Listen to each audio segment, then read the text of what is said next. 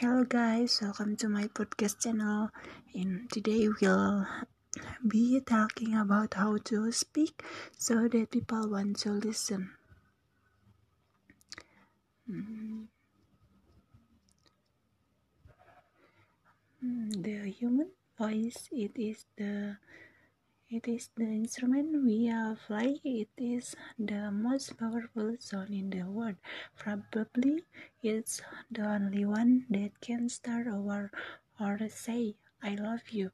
And yet many people have the experience that when the, they speak, people don't listen to them. Birds gossip, speaking ill of somebody who not present, not a nice habit, and we know perfectly will the person gossiping five minutes later will be gossiping about us. Second, judging. We know people who are like this in conversation, and it is very hard to listen to somebody if you know that you you are being judgy and found waiting at the same time. 3. negative Negativity.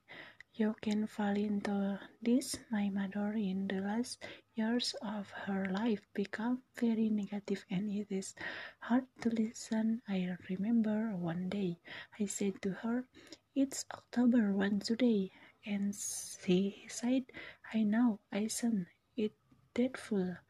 With I met this guy who might be my with I'll be in this guy.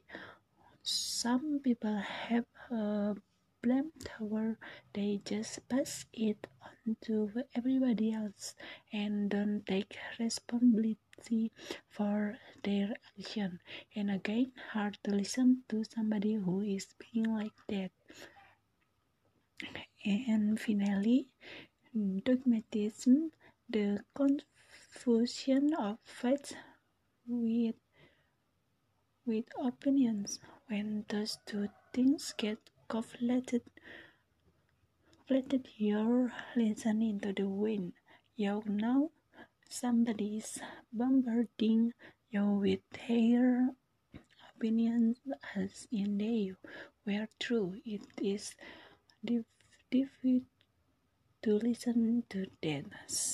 So hard they are seven deadly sins of speaking. These are things I think we need to avoid. But is there a positive way to think about this? Yes, there is. I I didn't like to segment that there are four really powerful con cornerstones foundation that we can stand on if we want our speech to be powerful and to make change in the world. For today, this this spell what the word is hail and it is has a great definition as well. I'm not talking about the stuff that falls from the sky and hits you on the head.